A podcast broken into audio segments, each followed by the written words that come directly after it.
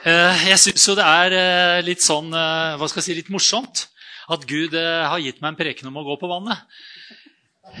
Jeg var, litt, jeg var litt spent. Nei, jeg var ikke det, men det er veldig godt å se at vi fikk ordentlig Solveig og Tabita under det vannet. Men det fins en plass i Gud hvor vi også kan gå på vannet. dere. Og Da snakker jeg ikke om norske forhold, men jeg snakker om det å gå på vannet.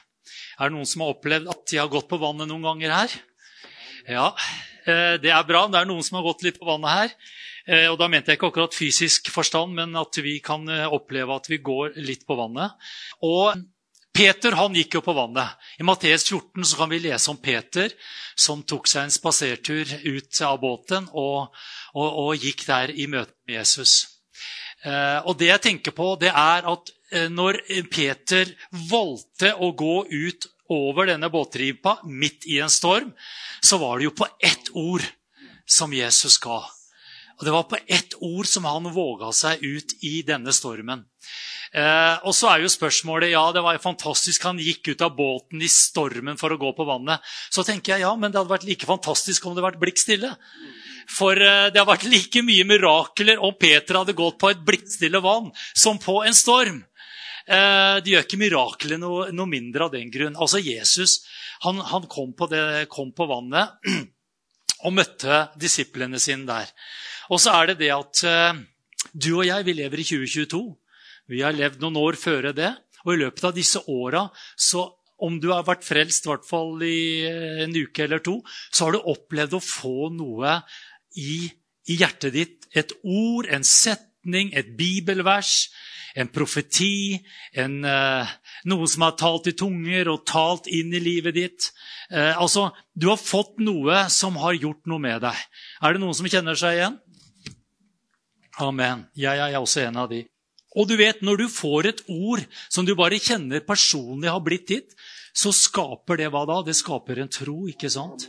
Det skaper en forventning, det skaper noe. Og tro, det gir også handling. Det gir, altså Automatisk så er det sånn at troen får deg og meg til å respondere og reagere. Eh, og når eh, eh man står i en storm, sånn som Peter gjorde, da, og så får et ord fra Jesus som sier 'kom', sier han. Så sier Jesus 'kom', og så går eh, Peter ut av den båten. Det ordet 'kom' gjaldt ikke bare Peter, men alle disiplene, om de hadde ønsket, de gått på det samme ordet. båten. Det var Peter valgte å gjøre det. Og noen ganger så er det veldig herlig og veldig viktig at vi har et ord, et eller annet, som bærer oss når vi møter på stormer.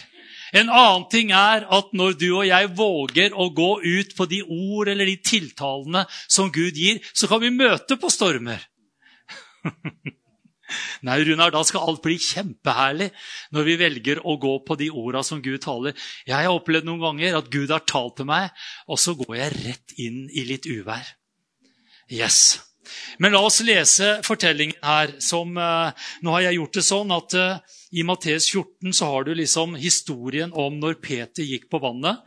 Vi kan lese noe av det samme i Markus 6 og i Johannes 6. Og så har jeg slått den historien sammen, så da blir det følgende. Fra Matteus 14 eh, og vers 22.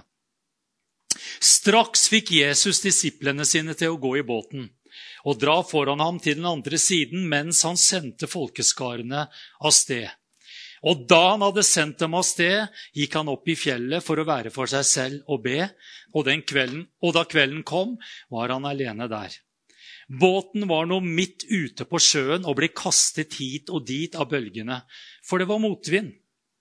Men i den fjerde nattevakt, ca. mellom på natta, eller, nei, tre på natta og seks på morgenen, i den fjerde nattevakt kom Jesus til dem gående på sjøen. Og i Markus 6 så står det 'og ville gå forbi dem'. Det er litt av en Jesus, altså. Da disiplene så han komme gående på sjøen, ble de helt forskrekket og skrek av redsel. Det er et spøkelse! Men straks talte Jesus til dem og sa, 'Vær ved godt mot. Det er meg.' Eller som det også står på grunnteksten, han sier akkurat det som Gud sa også, 'Jeg er'. Ikke vær redde. Peter svarte ham, 'Herre, hvis det er deg' Han var ikke helt sikker enda, men han hadde en liten tro der. 'Hvis det er deg, Herre, så be eller byd meg å komme til deg på vannet. Han sa, nå skal jeg gi deg en lang teologisk utlegning, Peter, om hvordan du kan gå på vannet. Steg nummer én og nøkkel nummer to. Nei, han bare sier, kom. Du vet, Jesus gjør det veldig enkelt. Når ting blir veldig komplisert, så er det nesten garantert at da er du og jeg innblanda. Jesus gjør det alltid enkelt. Tro er enkelt. Når tro blir klump, komplisert Når tro blir komplisert, så er det ofte andre ting innblanda. Da er det våre tanker, det er omstendighet kommet inn, andre menneskers tanker og oppfatninger. Jeg har jo fortalt deg før ikke sant, når jeg var i Malaysia, Gud hadde talt til meg. Det fins en kvinne i, denne, i, i, det møtet som jeg da skulle holde, som har en bønnebyrde for, uh, for Kina. En lang historie kort. Jeg diskuterte med Gud. Hadde jeg grønt hår eller rødt hår? Nei, hadde jeg grønn skjorte eller blå skjorte? Hvor sitter jeg der? Jeg skulle jo, jeg skulle jo bare naile den der, der. Og jeg spurte Gud, og jeg fikk jo for meg Hun har blå skjorte, hun sitter der i salen. Hun ser sånn ut, hun ser sånn ut. Og jeg tenkte halleluja, nå har jeg det på plass, nå kan jeg gå i tro. Og så kom det møtet. vet du. Det første jeg kikket etter, hvor sitter den kvinnen? Det var ingen som hadde noe sånt noe på seg. Du vet, Gud hadde bare talt til meg det fins en kvinne på dette møtet som har en bønnebyrde for Kina. Du skal ta henne fram, legge dine hender på henne og bare be Guds kraft og Guds velsignelse over henne. Det var det Gud talte. Men jeg syns det var ikke nok. Så jeg hadde jo kledd denne dama opp med farger og fjær holdt jeg på å si, og visste nøyaktig hvor hun satt. Det satt ingen dame med sånne klær akkurat der. Og jeg bare sa, 'Gud, hvor er denne kvinnen?' Hun har ikke kommet ennå. Hun kommer sikkert litt seinere. Enda sterkere. Men du vet, jeg, jeg, jeg, hadde prekt, og jeg bare helt desperat liksom Hvor er denne med, den, med disse klærne? Hvor sitter du? Kom fram! Jeg blei så desperat at til slutt så valgte jeg å si det er en kvinne i dette møtet som har en bønnebyrde for Kina. Kan du komme fram? Så kikka jeg jo der. Der reiste hun seg. Hun satt der! Og så bare stormer hun fram. Og så bare sier hun åh, det var, jeg trengte et ord fra Gud i dag. Jeg holdt på å gi opp dette her. Jeg orka ikke mer å be for dette. Jeg var på vei til å gi opp. Og så kunne vi der også legge hendene på henne, og så ba vi. Du skjønner, Jesus sa 'kom'. Halleluja! Og så sitter du og jeg Hva mener du med 'kom, Jesus'? Beskriv det litt. Er det liksom 'kom' som å komme nå? Er det kom som må komme om 14 dager? Er det kom som eh, kanskje kom? Du vet, Vi driver på sånn, vet du, for, for det er frykten og vantroen som bare slår inn med en gang. Det var storm! Det var storm, dere! Og han sa han kunne gjort det mye enklere for Peter og sagt, 'Se på meg nå, Peter.' For de hadde jo opplevd det tidligere at Jesus hadde stille stormen. Jesus lå jo foran og sov med hodet på ei pute. Han hadde stopp, stoppa og bare sagt Sht! Det var stormen over. Han kunne hjelpe Peter og si, 'Peter, se på meg nå. Nå skal jeg vise deg.' Åh, ti storm! Vær så god, Peter. Nå kan du komme. Men Jesus brydde seg ikke om noe. Det var storm. Det var, det var, helt vilt der ute. Og så sier Jesus, uansett omstendighetene, uansett hva som helst er Nå er det ikke tid for noen teologisk utlegning, Peter. Nå er det bare tid for Du trenger et ord! Amen. Han sier 'kom'! Og der går Peter ut av båten. Og det ordet holder. Amen. Så lenge han holder sitt blikk festa på Jesus. Og du vet nå skal jeg ha det bildet. Jeg gikk inn på Google, og så sjekka jeg Peter gikk på vannet. Og så vet du hva? Bare bilder av Peter som sank. Nesten bare bilder av Peter som sank. Og så fant jeg det og tenkte Yes! Det er sånn! Det der der! Det er, eh, det er min Peter. Det er, det er, sånn det er. Altså, han gikk på vannet mot Jesus. Og så blei det sånn at han, eh, han, begynte å kikke på omstendighetene. Han begynte å, å vike blikket hans. Det står at han begynte å se på vinden, står det, på stormen. Og så, og så er det jeg, jeg, vet ikke om du har tenkt på det, men det er jo ganske elegant og litt morsomt. Så står det 'Peter begynte å synke'. Han begynte å synke. Enten så synker du, eller så flyter du. Det er vel liksom da, Peter begynte å synke. liksom plutselig, Ja, der gikk anklene under. og Så begynte knærne etter hvert å komme litt sånn. Knærne ble borte på, på Peter, liksom. Men vet du hva? Jeg syns det er litt sterkt. For det var ikke bare blopp. så Jesus som bare, altså Jeg så et sånt maleri. Det var veldig artig å google Peter eh, Jesus på vannet. For da ser du på det ene bildet, så ser du Peter er helt under, og så ser du liksom gjennom øya til Peter, så står Jesus liksom oppe på vannet der. liksom, skjønner du? Det ordentlig moro, altså. Det er liksom Da har Peter gått helt under, men jeg tror ikke han gikk helt under. Han begynte å synke. Amen. Det gikk liksom ikke helt bang rett ned. Skjønner du? Og du vet, Det er akkurat der. Det er, liksom, det er en sånn der, hva skal jeg si, det er en lakmustest. Når vi kjenner at vi begynner å bli våt på anklene og, og kjenner at det blir litt tungt opp til knea, så er det, da er det et tegn på at det, var vi har gjort noe. Vi er vike blikket.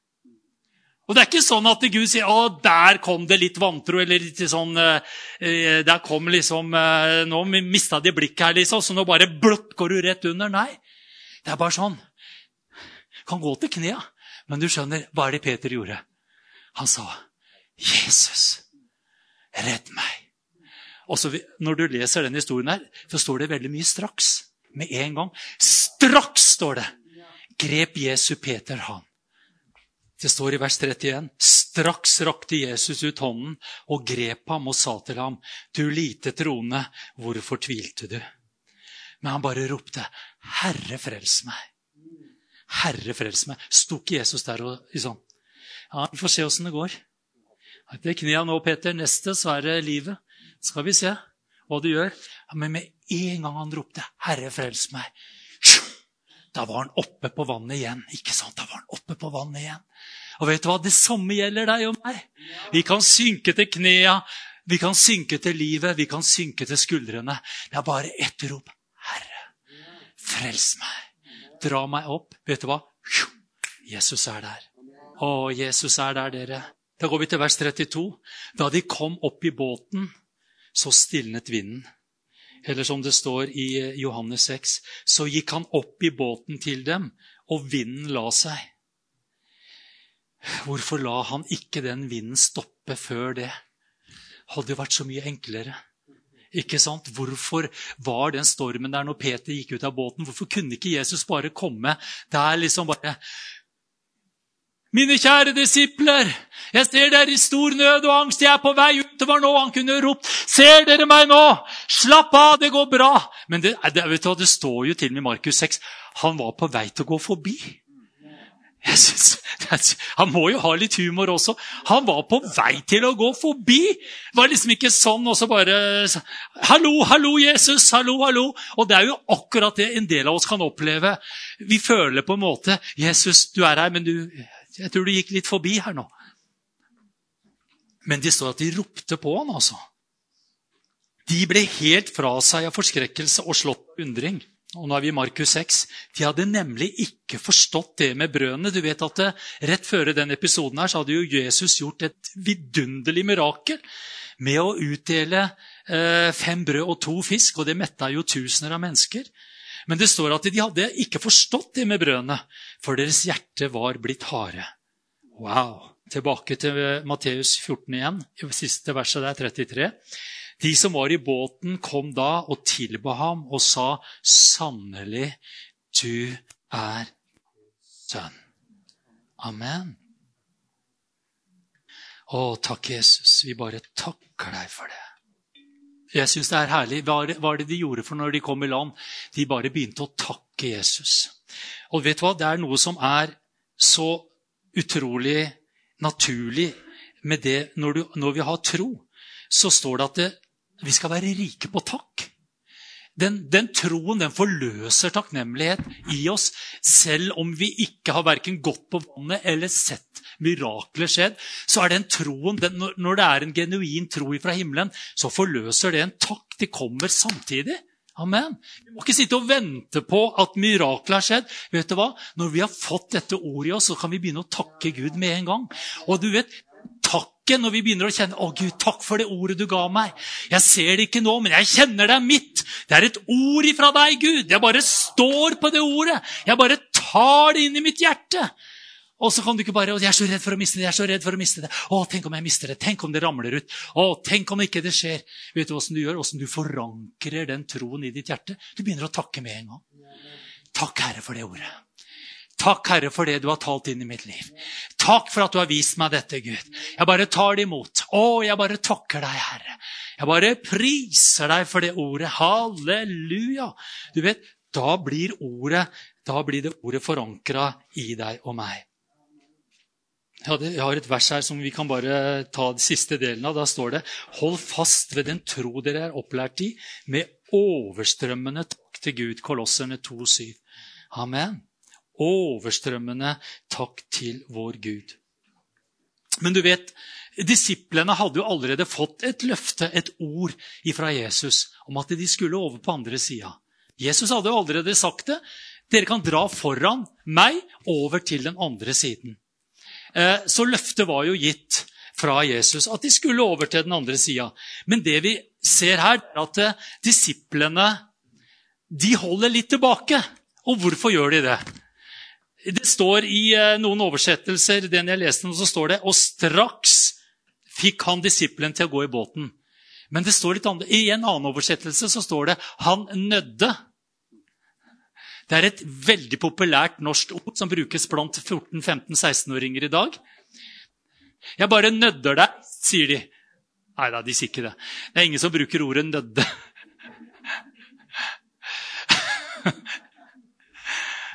Men det står også at han oppfordret sterkt. Eller som det står i New King James-oversettelsen Han overtalte innstendig disiplene om å gå i båten og, og, og reise over til den andre sida. Og hvorfor måtte Jesus overtale disse disiplene for å gjøre det? Ja, fordi det nødvendig, Jeg tror ikke det var så veldig storm akkurat der når Jesus sier dette. Men disse er profesjonelle fiskere. De har vært ute på siden si en, en vinternatt før.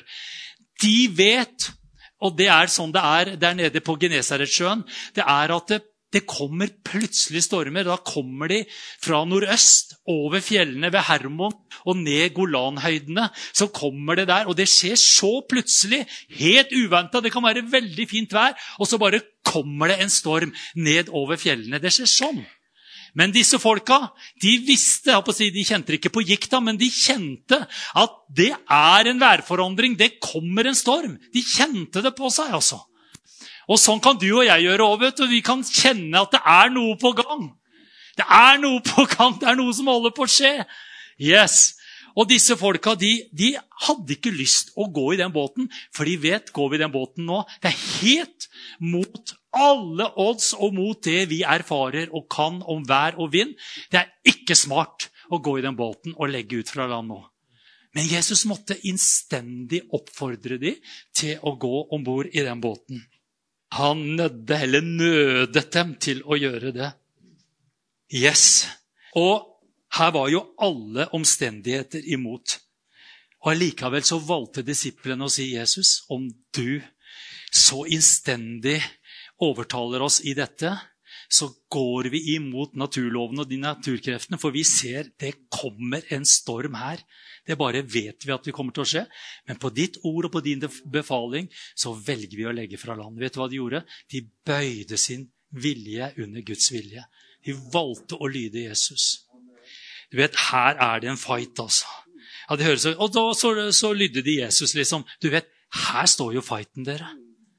Ikke sant? Against all odds. Imot alle ting så velger de å, å, å gjøre dette her. Og vi vet jo historien. ikke sant? De kommer over, Jesus kommer der og redder de, osv. osv. Og jeg bare tenker hvor viktig det er at når vi vandrer med våre liv, at vi har noe å stå på, dere. Vi sang dette. Vi, du er klippen som alltid, alltid står fast. Vet du hva? Det derre at Jesus alltid står fast og vet det, så kan vi møte disse stormene på helt annerledes måter. Jeg bare vet når uh, når Gud har talt inn i mitt liv, og jeg bare har hatt en enkel, overbevisende tro, og når, og når virkelig trøkket kommer på det, Vet du hva du alltid går tilbake til? Vet jeg alltid går tilbake til? Men Gud, du sa. Og da kommer djevelen, som han sa til Adam og Eva, og så sier han alltid, 'Har Gud virkelig sagt?' Det er det første han sier. Har nå Gud virkelig sagt det? Kommer det til å skje? Og da, du, da skal du svare med en gang, 'Gud har sagt'. Om du vet, om du har en enkel tro i ditt hjerte, så kan du bare svare, 'Gud har sagt'.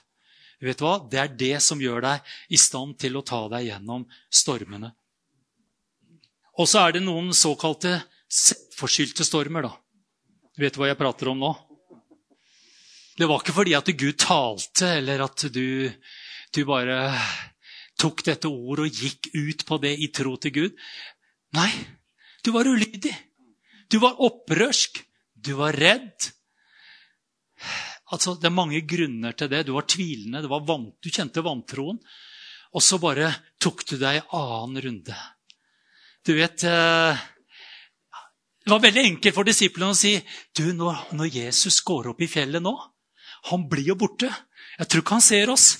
Han blir så intensivt. Han kommer til å be så mye. Han kommer til å være så opptatt med det der med Gud og å være der og snakke med sin far. Vet du hva? Nå roer vi oss litt her nede. Nå ser vi litt an.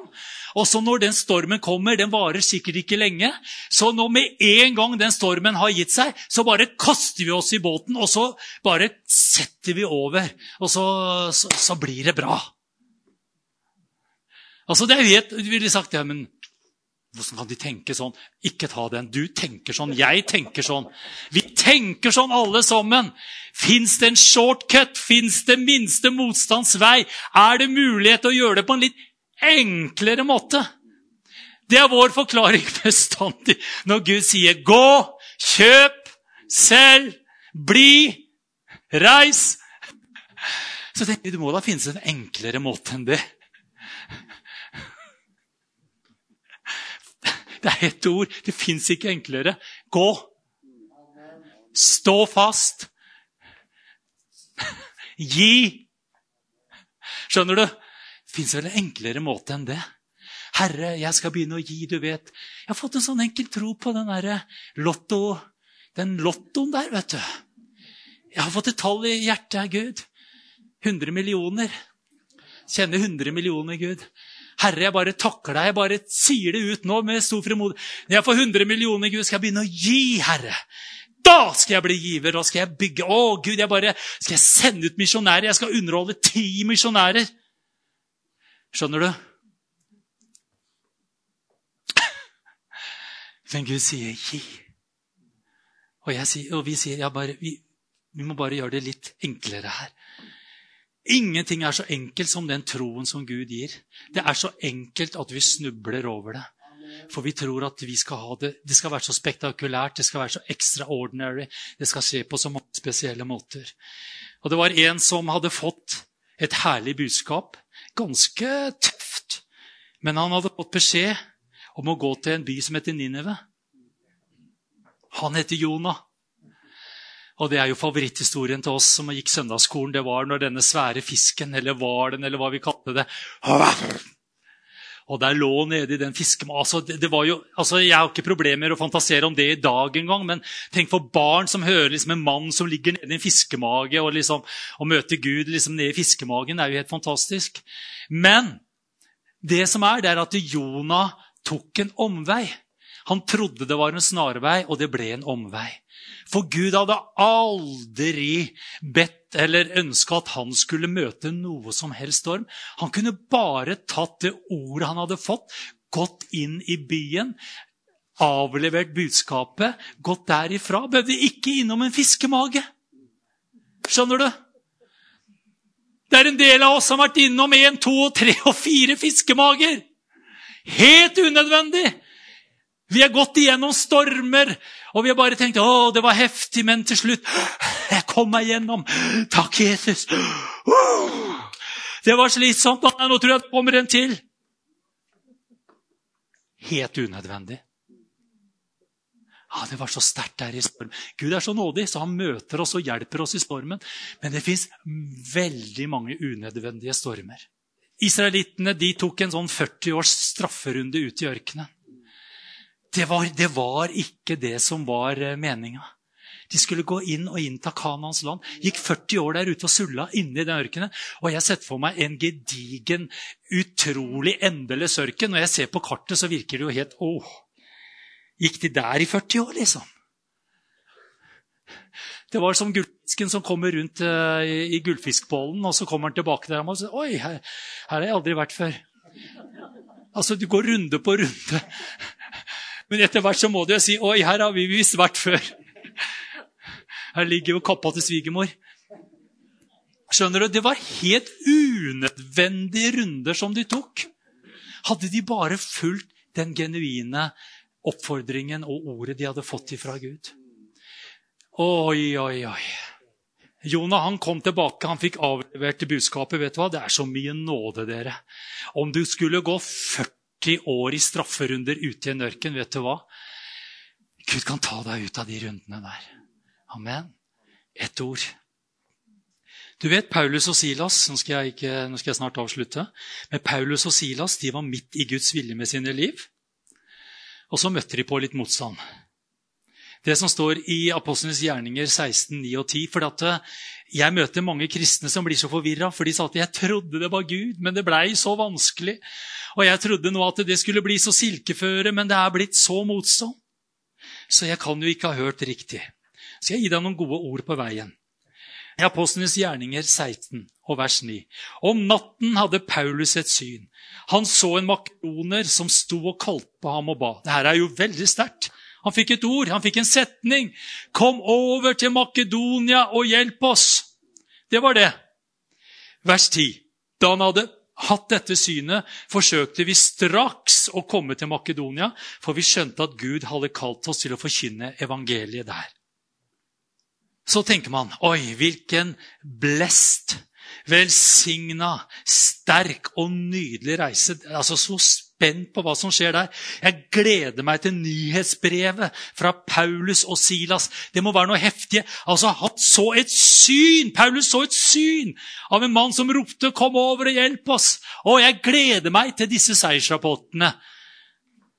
Og så vet vi det at rett etter at de ankom den byen Filippi, som er en provins i Makedonia, så ble det ikke akkurat jubel og brus. Hva står der?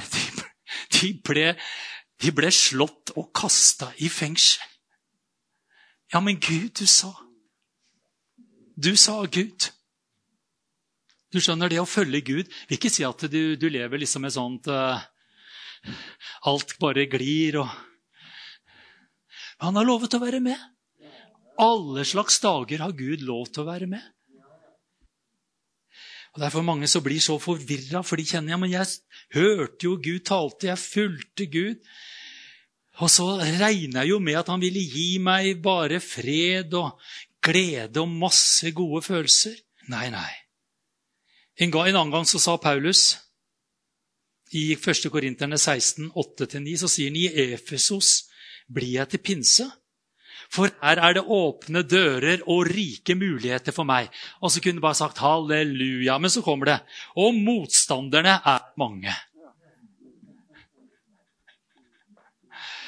Glory Jesus. Så når alt går imot deg og meg, så betyr det faktisk ikke at vi nødvendigvis har bomma på Gud. Skjønner du? Ikke la omstendighetene bestemme hva som eh, er Guds vilje. Har du fått noe i hjertet ditt? Er det noe Den hellige ånd har vist deg? Er det noe som du kjenner? vet du hva? Jeg har bare lyst til å oppmuntre deg i kveld også. Du skal gå på det som Gud har lagt i ditt hjerte, åkke sånn. Der ligger det Altså, om du ønsker å leve i mirakler, så er det mirakelveien hvor du velger å gå på et ord, det å gå ut av båten og tro Gud, at han er mektig nok til å la det elementet som er på vei til å ødelegge deg og drepe deg og knuse deg, det er det elementet du går på. Amen. Det er seier, altså. Halleluja. Åh, hele, jeg, jeg kunne bedt mange av dere å komme opp her og si Del ditt vitnesbyrd av det jeg preker nå. Mange av dere kunne gitt sterke vitnesbyrd. Vi hadde sittet gråtende her alle sammen av hva du gjorde ved å følge Gud og la ordet som Gud har lagt i ditt hjerte, bare stå over alle omstendigheter, all frykt, all vantro, all tvil, alt opprør, alt det som følger med. Jeg tenker på når vi reiste til Afrika, ja. Altså, Det er jo sånt klasseeksempel, tenker jeg. 12. mars 2020, hva skjedde da? Altså, Den morgenen der så skjer det jo veldig mye. Men noe av det sterkeste som skjer, det er at det er to gudsmenn som sitter på toget til Gardermoen. Jeg møter Jarl i Oslo. Vi finner, finner hverandre på toget på vei til Gardermoen. Vi skal til Kenya.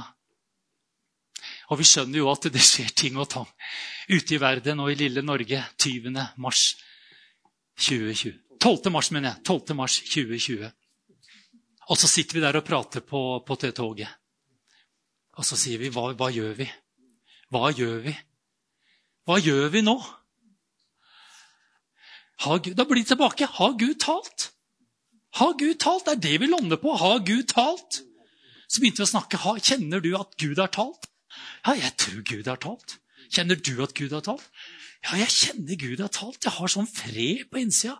Ja, men jeg, så begynte vi, men jeg tror kanskje folk i menigheten hadde nok ikke forventa at dette, Jeg tror kanskje folk i menigheten syns det er veldig ansvarsløst at to av pastorene reiser av gårde når hele verden og Norge og alt er på vei inn i en storm. Vi satt jo og prata helt sånn fornuftig. Det er jo ikke smart! Det er jo å svikte, dere! Her sier lederne bye bye, flyr ut av Norge når alt går ned. Og jeg sitter der, jeg bare kjenner. Og jeg kjente meg så slitt, altså. Fornuften sa, 'Du er idiot, herr Wold, hvis du i det hele tatt tenker tanken å forlate Norge nå.' Hold deg for Gud. Og så kommer det hør så fint Menigheten trenger deg. Vet du, Det kommer så religiøst. Da. Menigheten trenger deg nå, Rune. De trenger ikke meg, de trenger Jesus. Ja, Det er greit, de kan trenge meg, det er jo bra. Men de trenger først og fremst Jesus. Amen. Det var elleve disipler igjen om bord i den båten som hylte og skreik. Men de trengte Jesus, de òg. De trengte ikke at Peter skulle liksom komme der og ordne for dem. De trengte Jesus. Amen. Få koste seg på ham. Pastoren er ikke noe redningsplanke. Han er bare en eh, gudsbenåda enkel sjel som har fått et oppdrag fra Gud og fått nåde til å gjøre det. Du vet at uh, han er ikke noen frelser under Jesus. Du må kaste deg på Jesus. Vi sitter der, og vi diskuterer fram og tilbake. Og så sier jeg til Jarl, sånn som jeg pleier å gjøre det, Jarl, sier jeg, sånn som troen fungerer for meg, det er at jeg ser at jeg er på det stedet som jeg skal være. Sånn funker det for meg. Og så sier jeg, om jeg bare så sier jeg, jeg ser meg ikke i Norge, Jarl. Ikke, hvis, hvis, hvis, vi snur opp på Gardermoen nå og tusler hjemover, hjem, hjemover Vet du hva? Jeg kjenner på så tomhet. Det er totalt meningsløst. Det er det mest meningsløse jeg kan gjøre. Og så, sa jeg, og så ble jeg Vet du hva? Jeg, ser, jeg er i Afrika allerede. Jeg, ja. Hjertet mitt er i Afrika allerede. Og jeg bare Ja, jeg bare kjenner Vi, vi skal reise. Og som sagt, som jeg har sagt noen ganger også, jeg sjekker da det er jo helst Bibelen du skal gjøre, så dette er ikke noe til etterfølgelse. Men jeg sjekka akkurat VG. Idet flyet akselererer og letter fra Gardermoen, så kommer det pop! Statsminister Erna Solberg. Ingen nordmenn forlater landet nå! Woohoo! Og jeg tenker takk, tusen takk, ja, at vi samstemt gjorde det vi gjorde. For vi var på mirakelreise der nede. Åh, det var noe av de mest effektive, viktigste misjonsreisedager. Det ble en kort reise, men det er noe av det mest effektive, noe av det mest spennende, mirakuløse jeg har vært med på i hele mitt liv.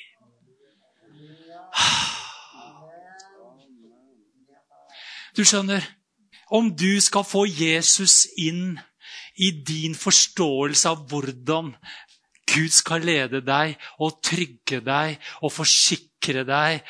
Og liksom Ja, det er en storm, kjære venn. Nå stilner jeg den.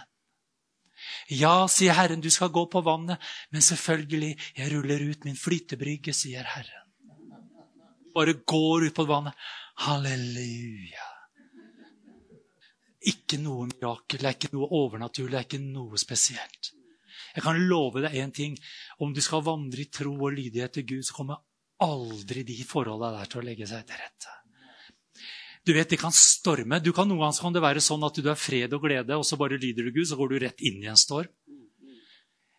Det kan være at du har bestemt deg, og stormen er der allerede. Men du skjønner, det spiller ingen rolle om det er en storm på vei, om det er en storm midt i, eller om det kommer en storm etterpå. Det eneste som teller, og som har noe å si, det er at vi sier, 'Herre, byd meg, be meg å komme, og jeg vil gå'. Amen der, i det Peter gikk ut der Han er den eneste som kunne skryte på seg. 'Jeg gikk på vannet med Jesus'. Han opplevde mirakelet.